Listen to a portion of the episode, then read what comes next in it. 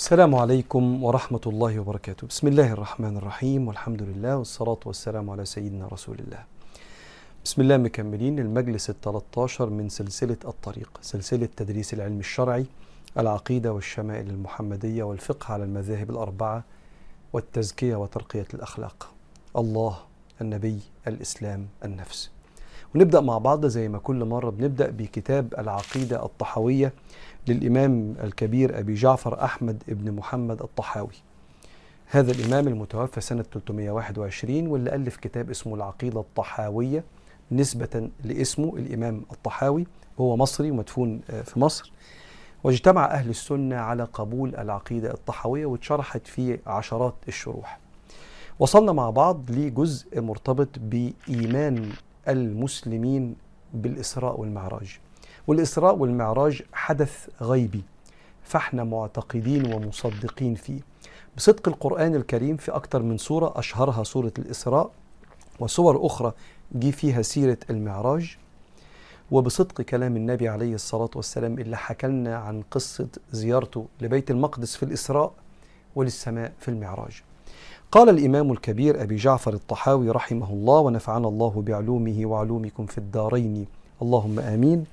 قال والمعراج حق وقد أسري بالنبي صلى الله عليه وسلم وعرج بشخصه في اليقظة إلى السماء ثم إلى حيث شاء الله من العلا وأكرمه الله بما شاء وأوحى إليه ما أوحى ما كذب الفؤاد ما رأى فصلى الله عليه وسلم في الآخرة والأولى. والحوض الذي أكرمه الله تعالى به غياثا لأمته حق. كتير منكم ما عندوش أي إشكالية ولا سؤال ولا شك في مسألة الإسراء والمعراج. لكن في خلال عمر الأمة الإسلامية وإلى الآن بتطلع بعض الآراء إن الإسراء والمعراج حلم. حلم النبي عليه الصلاة والسلام إنه هو نايم حلم إنه بيصلي في بيت المقدس وإنه زار السماء. وهنا مفيش أي إضافة أو أي معجزة.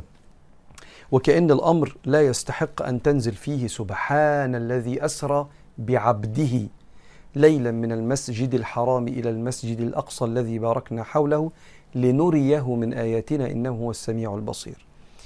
وآيات كثيرة زي ما ربنا قال ثم دنا فتدلى فكان قاب قوسين أو أدنى فأوحى إلى عبده ما أوحى في سورة النجم بيتكلم عن المعراج زي ما ذكر الإمام هنا. فكأن الإمام الطحاوي بيثبت إنها مش رؤية مش حلم. حتى لو إحنا عارفين إن رؤيا الأنبياء حق وإن لو هو زار السماء يبقى دي حقيقة السماء وإنه شاف حقيقة حاجات بتحصل في الرؤية فينزل يحكيها لنا كأنها حقيقة. ده شق رؤيا الأنبياء وحي آه وتعلمناها. يا بني إني أرى في المنام أني أذبحك سيدنا إبراهيم وسيدنا إسماعيل. وحي حق حاجة خاصة بالأنبياء. بس الإسراء والمعراج النبي نفسه صلى الله عليه وسلم جسدا وروحا اتحرك من المسجد الحرام إلى المسجد الأقصى. ثم دي ده كده اسمه الإسراء. ثم عرج يعني صعد طلع بيه وهو راكب البراق إلى السماوات. فبيقول والمعراج حق وقد أسري. بيحكي بقى القصة من الأول. كلمة يعرج يعني يصعد. وقد أسري بالنبي صلى الله عليه وسلم وعرج يعني صعد بشخصه مش لا بروحه ولا بالأفكار إنما بشخصه صلى الله عليه وسلم في اليقظة يعني كان صاحي إلى السماء. ثم إذا إلى حيث شاء الله من العلا. صلى الله عليه وسلم كان نايم في بيته جه سيدنا جبريل قال له تعالى يا محمد هنعمل إيه؟ الأول شق صدره وغسل صدره تاني وقلبه ده المرة التالتة اللي شق فيها صدر النبي ثلاث مرات وهو صغير وقبل البعثة قبل ما يشوف سيدنا جبريل وقبل الإسراء والمعراج. ثم صلى بيه عند الكعبة ثم ركب البراق وتحرك النبي صلى الله عليه وآله وسلم من المسجد الحرام في مكة إلى فلسطين حيث المسجد الأقصى. أعتقد أنها بالطيارة ممكن تاخد تقريبا ساعتين ساعتين ونص. وبالتالي إذا كان البشر قدروا يعملوها فالإسراء ممكن يكون مش بعيد عن كثير من الناس إن ربنا عن دلوقتي في الزمن ده يمكن زمان المشركين ما صدقوش. لأن إحنا بنضرب أكباد الإبل يعني نقعد نقول للإبل يلا اتحركوا كده نضرب أكباد الإبل شهر عشان نوصل للشام وأنت تقول في جزء من الليل فما صدقوهوش. الناس اللي في الزمن ده البشر بقدرتهم اللي ربنا قال عليها وما أوتيتم من العلم إلا قليلا. نعرف نصفر حد ونرجعه فما بالك بقدرة الله. فراح صلى صلى الله عليه وسلم وقد أخرج الله له الأنبياء صلى بهم إمام في المسجد الأقصى. ثم بعد ذلك ركب البراق وصعد إلى ما شاء الله من العلا. واتفقنا المرة اللي فاتت اللي شاف أو اللي قبل اللي فاتت اللي إحنا بنتكلم لا اللي فاتت. وإحنا بنتكلم أن الله ليس في السماء بذاته لأن الله لا يحل في الأشياء. يحل يت... يعني تعمل كده. الله ليس جسدا حتى يحل في الأشياء. فربنا مش في السماء إنما السماء جهة الدعاء وجهة العلو. فصعد النبي صلى الله عليه وسلم إلى السماء ثم إلى ما شاء من العلا علو المكانة وليست علو المكان. مش كأن السماء واحد اتنين تلاتة أربعة لغاية سبعة وبعدين يبدأ ربنا فوق السماء. الله ليس جسدا حتى يكون موجود في مكان بينتهي ويبدأ في مكان. فعرج بالنبي إلى حيث ما شاء من علو المكانة حتى يرى الله ويقابل الله.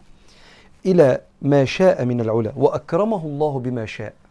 بما شاء يعني في أشياء النبي شافها عليه الصلاة والسلام ما تخصناش. ربنا بيقول فأوحى إلى عبده ما أوحى.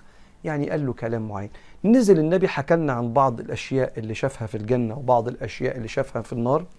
ربنا قدم له الزمان وربنا الزمن جزء من مخلوقاته يفعل فيما يشاء وإحنا مصدقين بكده. حتى أراه ما سيكون في النار وما سيكون في الجنة فرآها صلى الله عليه وسلم.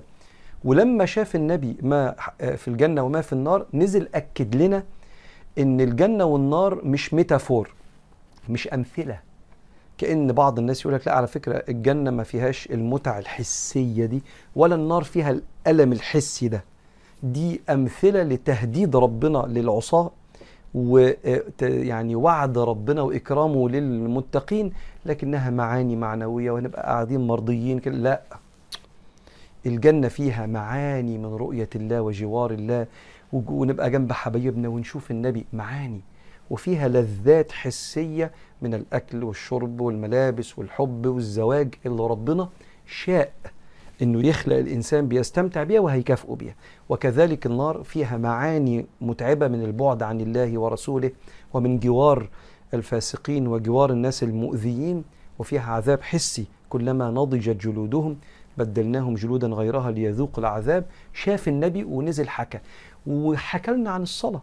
اللي ربنا فرضها عليه من خمسين إلى خمسة زي ما حضراتكم عارفين. وحاجات تانية لا تخصنا كلام الأحبة بين الله ورسوله. لو كانت جزء من التشريع كان قالها لنا لأنه يبلغ كل ما أوحي إليه لكنها أشياء خاصة برسول الله صلى الله عليه وآله وسلم. وأكرمه بما شاء وأوحى إليه ما شاء.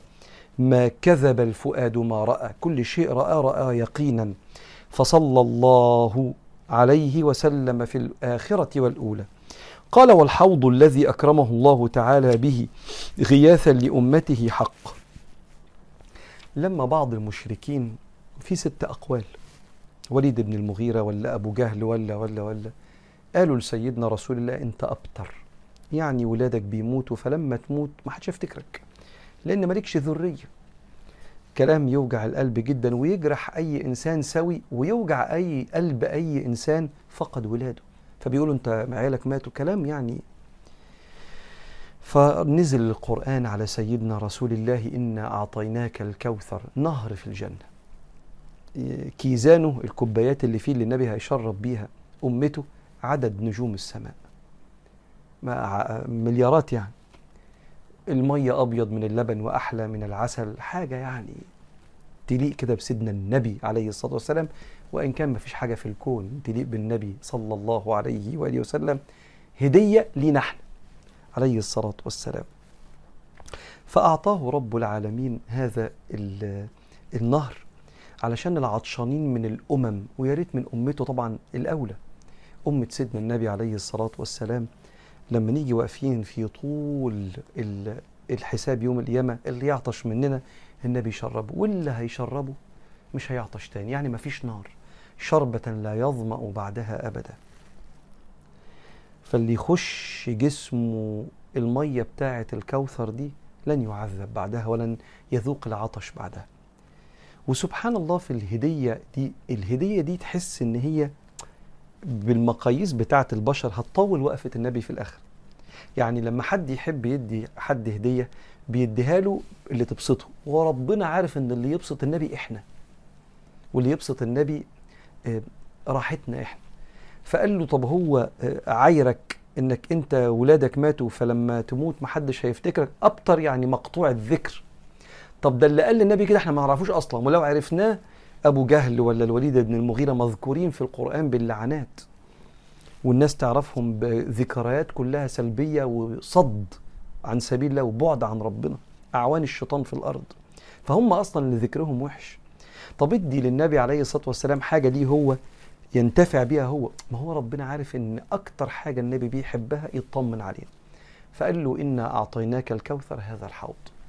فصلي لربك واذبح الذبايح بقى وانحر إن شانئك اللي بيقول لك كده هو الأبتر.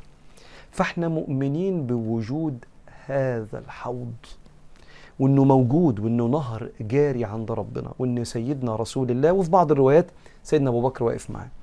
هيقابلنا يوم القيامة ويشربنا منه. وإنت لازم تتخيل نفسك في عقيدتك كده وده موقف يساعدك على الانتظار. إنك إنت وإنت واقف في الطابور.